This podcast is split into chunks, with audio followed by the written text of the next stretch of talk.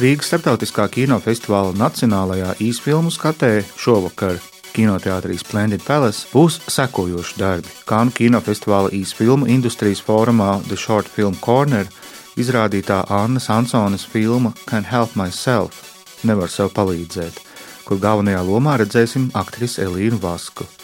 Tajā saldējuma pārdevējas acīm tiek novērtēta pludmales atpūtnieku un ikdienišķu nejaušību kronika. Henrijs Lāķis piedāvās dadaistisku, spāņu autora Luija Bonjuela stilam piederīgu kino eseju laika cilpas, kas uzņemta analogā formātā. Variācija par cilvēku apziņas, Dantes, Elles lokiem, kuros visas atslēgas ir nederīgas, režisoras Indras Sproģis animācijas darbā, kur manas atslēgas. Valērijas Oļekno, kurš kinematogrāfā ienācis no dēļas pasaules, galvenā varoņa meklējumus risinās celulozes fabrikas cehā. Tas viņa filmā Papīra galva. Un visbeidzot Jāņa Ābeles dokumentālais seja par Latvijas kinoteātriem - 81 metrs. Ar Jānu sarunāsimies pavisam drīz, bet vispirms uzrunāju Nacionālā izfilmu konkursa atlases komisijas vadītāju, filmu programmu kuratoru Leo Soisanto. Leo Soisanto ir filmu programmu kurators un žurnālists no Parīzes, publicējuši žurnālos Liberation, L'Incorruptible, Vogue Paris, Premiere un Gracija. Strādājis Kanu kinofestivāla kritiķu nedēļas spēļu filmu blakus konkursu atlases komitejā no 2009. līdz 2015. gadam. Līdz pagājušajam gadam vadījis arī festivāla īsfilmu atlases komisiju un līdzīgus pienākumus veicis arī Rotterdamas filmu festivālā. Lūk, viņa stāstītais par savu līdzinējo pieredzi. I mean, Pati svarīgākā lieta ir tā, ka neesmu šajā uzdevumā viens pats. Man ļoti nepatīk izrādīties pareizam vai arī secināt, ka mans viedoklis vienīgais ir bijis pareizais. Man svarīgi ir sajust izaicinājumu, saklausīt ieteikumus, idejas un padomus no kolēģiem. Tāpēc es allaž uzstāju uz sapulču sesiju formātu. Kad strādāju festivāla žūrijā pagājušajā gadā, šim nolūkam pieaicināju vēl trīs franču kolēģus, ar kuriem jau biju pazīstams iepriekš. Un, protams, es uzstāju arī uz kādu Latvijas speciālistu dalību šajā grupā, jo veidojot veidot nacionālu konkursu atlasi valstī, kurai tu pats neesi piederīgs, ir visai grūts un arī dzen delikāts uzdevums. Turklāt šogad ir pirmā reize, kad es pats fiziski esmu Rīgā, jo pirms tam man sadarbība ar Rīgas starptautisko kino festivālu notika tikai Zoom platformā. Darbs atlases komisijā man bija ļoti saistošs, jo savā līdzinājā pieredzē citos festivālos esmu redzējis diezgan daudz filmu no Lietuvas un Igaunijas, bet salīdzinoši daudz mazāk no Latvijas. Vienmēr esmu centies pievērst uzmanību jaunpienācējiem kinofestivālu jomā. Cenšos ar viņiem iepazīties arī personīgi, ja ir tāda iespēja, jo tas nozīmē arī saprast konkrētās valsts kultūras ainu kopumā. Īsfilma ir ļoti interesants kinometrāžas formāts, jo to veidojot režisoram kopā ar scenāristu un producentu ir jāstrādā ne tikai ar ierobežotāku finansējumu, salīdzinot ar filmu, bet arī jāprāto par citādāku dramaturģijas struktūru. Time, cinema, cinema, uh, Vienmēr, kad es ierodos kādā kino uh, pasākumā un man ir kādas sarunas vai intervijas, es uzsveru to, ka pabeigts kino darbs ir un paliek kino, neatkarīgi no tā, vai tās būtu 5 minūtes, uh, pusotra stunda, 4 stundas vai pat 10 dienas. Neatkarīgi no garuma, es ālaišu konkrētajā darbā meklēju to, vai tajā ir ieraugāma filma vai nav. Tā piemēram, šī gada festivāla Nacionālajā īsfilmu konkursā mums ir animācija, mums ir dokumentāls darbs un trīs aktieru kino piemēri. Tas, ko mēs redzam šajās īsfilmās, saskan ar jūsu jautājumu, jo katrs no autoriem ir mēģinājis atrast ceļu, kā izvairīties no klasiskās trīs cēlienu dramaturģijas formas.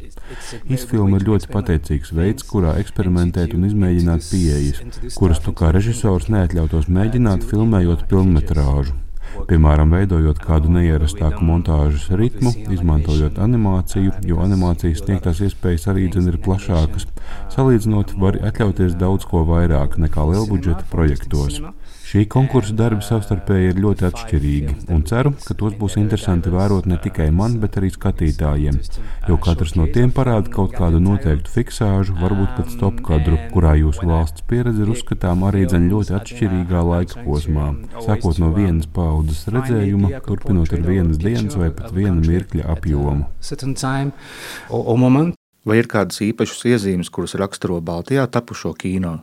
I know this image of like Eastern Europe Pēdējo gadu laikā, strādājot dažādos festivālos, esmu guvis kaut kādu priekšstatu par to, kas raksturo Austrumēropā tapušo kino sevišķi īstfilmu kontekstā. Tas ir visai krēslains, pelēcīgs, vietumis depresīvs. Taču tāpat laikā tehniskajā ziņā šī reģiona filmas ir izveidotas ļoti augstā līmenī, un autori bieži vien mēdz eksperimentēt. Bet galvenā loma šajā stāstā tomēr ir un paliek publikai. Esmu dzirdējis novērojums, ka pēdējo gadu laikā Latvijas kino skatītāji ir kļuvuši arvien uzņēmīgāki pret dažādu veidu kino. Viņiem patīk pieredzēt ko jaunu. Es kā filmu programmas kurators uz to gan nedrīkst īpaši paļauties, neskatoties uz to, ka ir patīkami citiem cilvēkiem likt justies labi. Tā kā man pašam alaži ir bijis svarīgi pārkāpt kaut kādām robežām, arī domājot par skatītājiem, es viņus vēlos kaut kādā epizodē šokēt, pagrūst viņus uz kādu negaidītu pagriezienu, likt viņiem iekliekties vai pat mest ar kaut ko pa ekrānu. Redzēsim, kas notiks šoreiz. So, yeah. Un tagad pievēršamies sarunai ar režisoru Jāni Ābeli. Viņa dokumentālā esēja 81 metrs veidota Covid-19 pandēmijas laikā.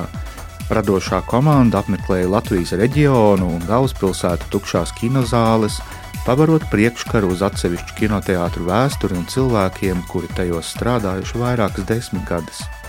Vai šis būtu kā reverants aizejošam laikmetam? Nu, es negribētu ticēt, ka klātienes kino skatīšanās ir gluži aizejoša ēra.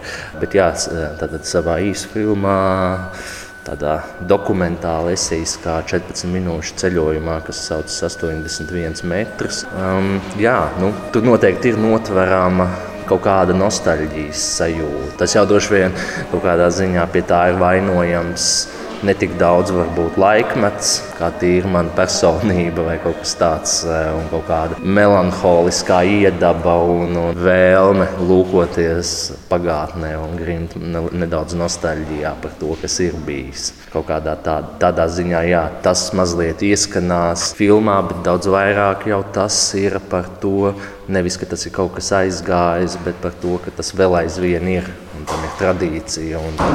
Tas turpinās, un tam ir jāturpinās. Salīdzinot ar iepriekšējiem darbiem, spēles kino 7 miljardi gadu pirms pasaules gala un Jālgava 94 Jānim šoreiz aktieru vietā bija jāstrādā ar ēkām un to arhitektūru. Kaut kādā ziņā telpas un skulptūras man vienmēr ir šķitušas kaut kas ļoti svarīgs, kā ļoti svarīga sastāvdaļa tajā manā filmas veidošanas procesā. Bet, bet šeit šīs telpas kļuva par galvenajiem varoņiem jau lielā mērā sasaucoties ar to laiku kad šī filma ir taisīta, respektīvi, Covid pandēmijas, mājasēdes, jeb lockdown laiks, un tur jau tīri loģiski dēļ tā.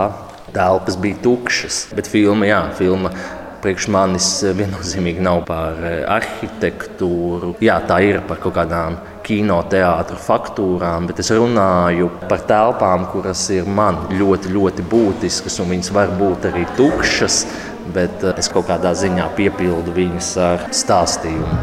Par, nu, ar to, kas man ir šīs tukšās telpas. Aicinu Jānu pastāstīt par veikto izpētes procesu filmas veidošanas gaitā. Izpētes process, nu, kā jau es teicu, man šī vide un šīs telpas, labi izņemot eh, vienā kinoteātrī, es pirms tam nebiju bijis. Un, un pirms tam es nebiju bijis Madonas kinoteātrī Vidzeme. Savukārt, eh, savā ziņā es nebiju arī bijis Valmieras kinoteātrī pēc rekonstrukcijas, renovācijas. Bet tā izpēte, patiesībā jau tā izpēte Tāpēc es arī ieminēju, ka šī ir esejiska filma. Jā, tas izējas punkts e, kādā ziņā ir manas attiecības ar kino, ar ko varētu asociēties daudzi filmu mīļi, vai vienkārši cilvēki, kam kino skatīšanās eh, ir kaut kas vairāk, kā aiziet uzēst popkornu un eh, ka kaut kas notiek uz ekrāna. Un tas pētījums, jā, nu, protams, visi šie kino teātri, kā jau mēs dzīvojam projektu laikmatā, lai gan es savus filmus ļoti ienīstu saukt par projektiem, tas man liekas,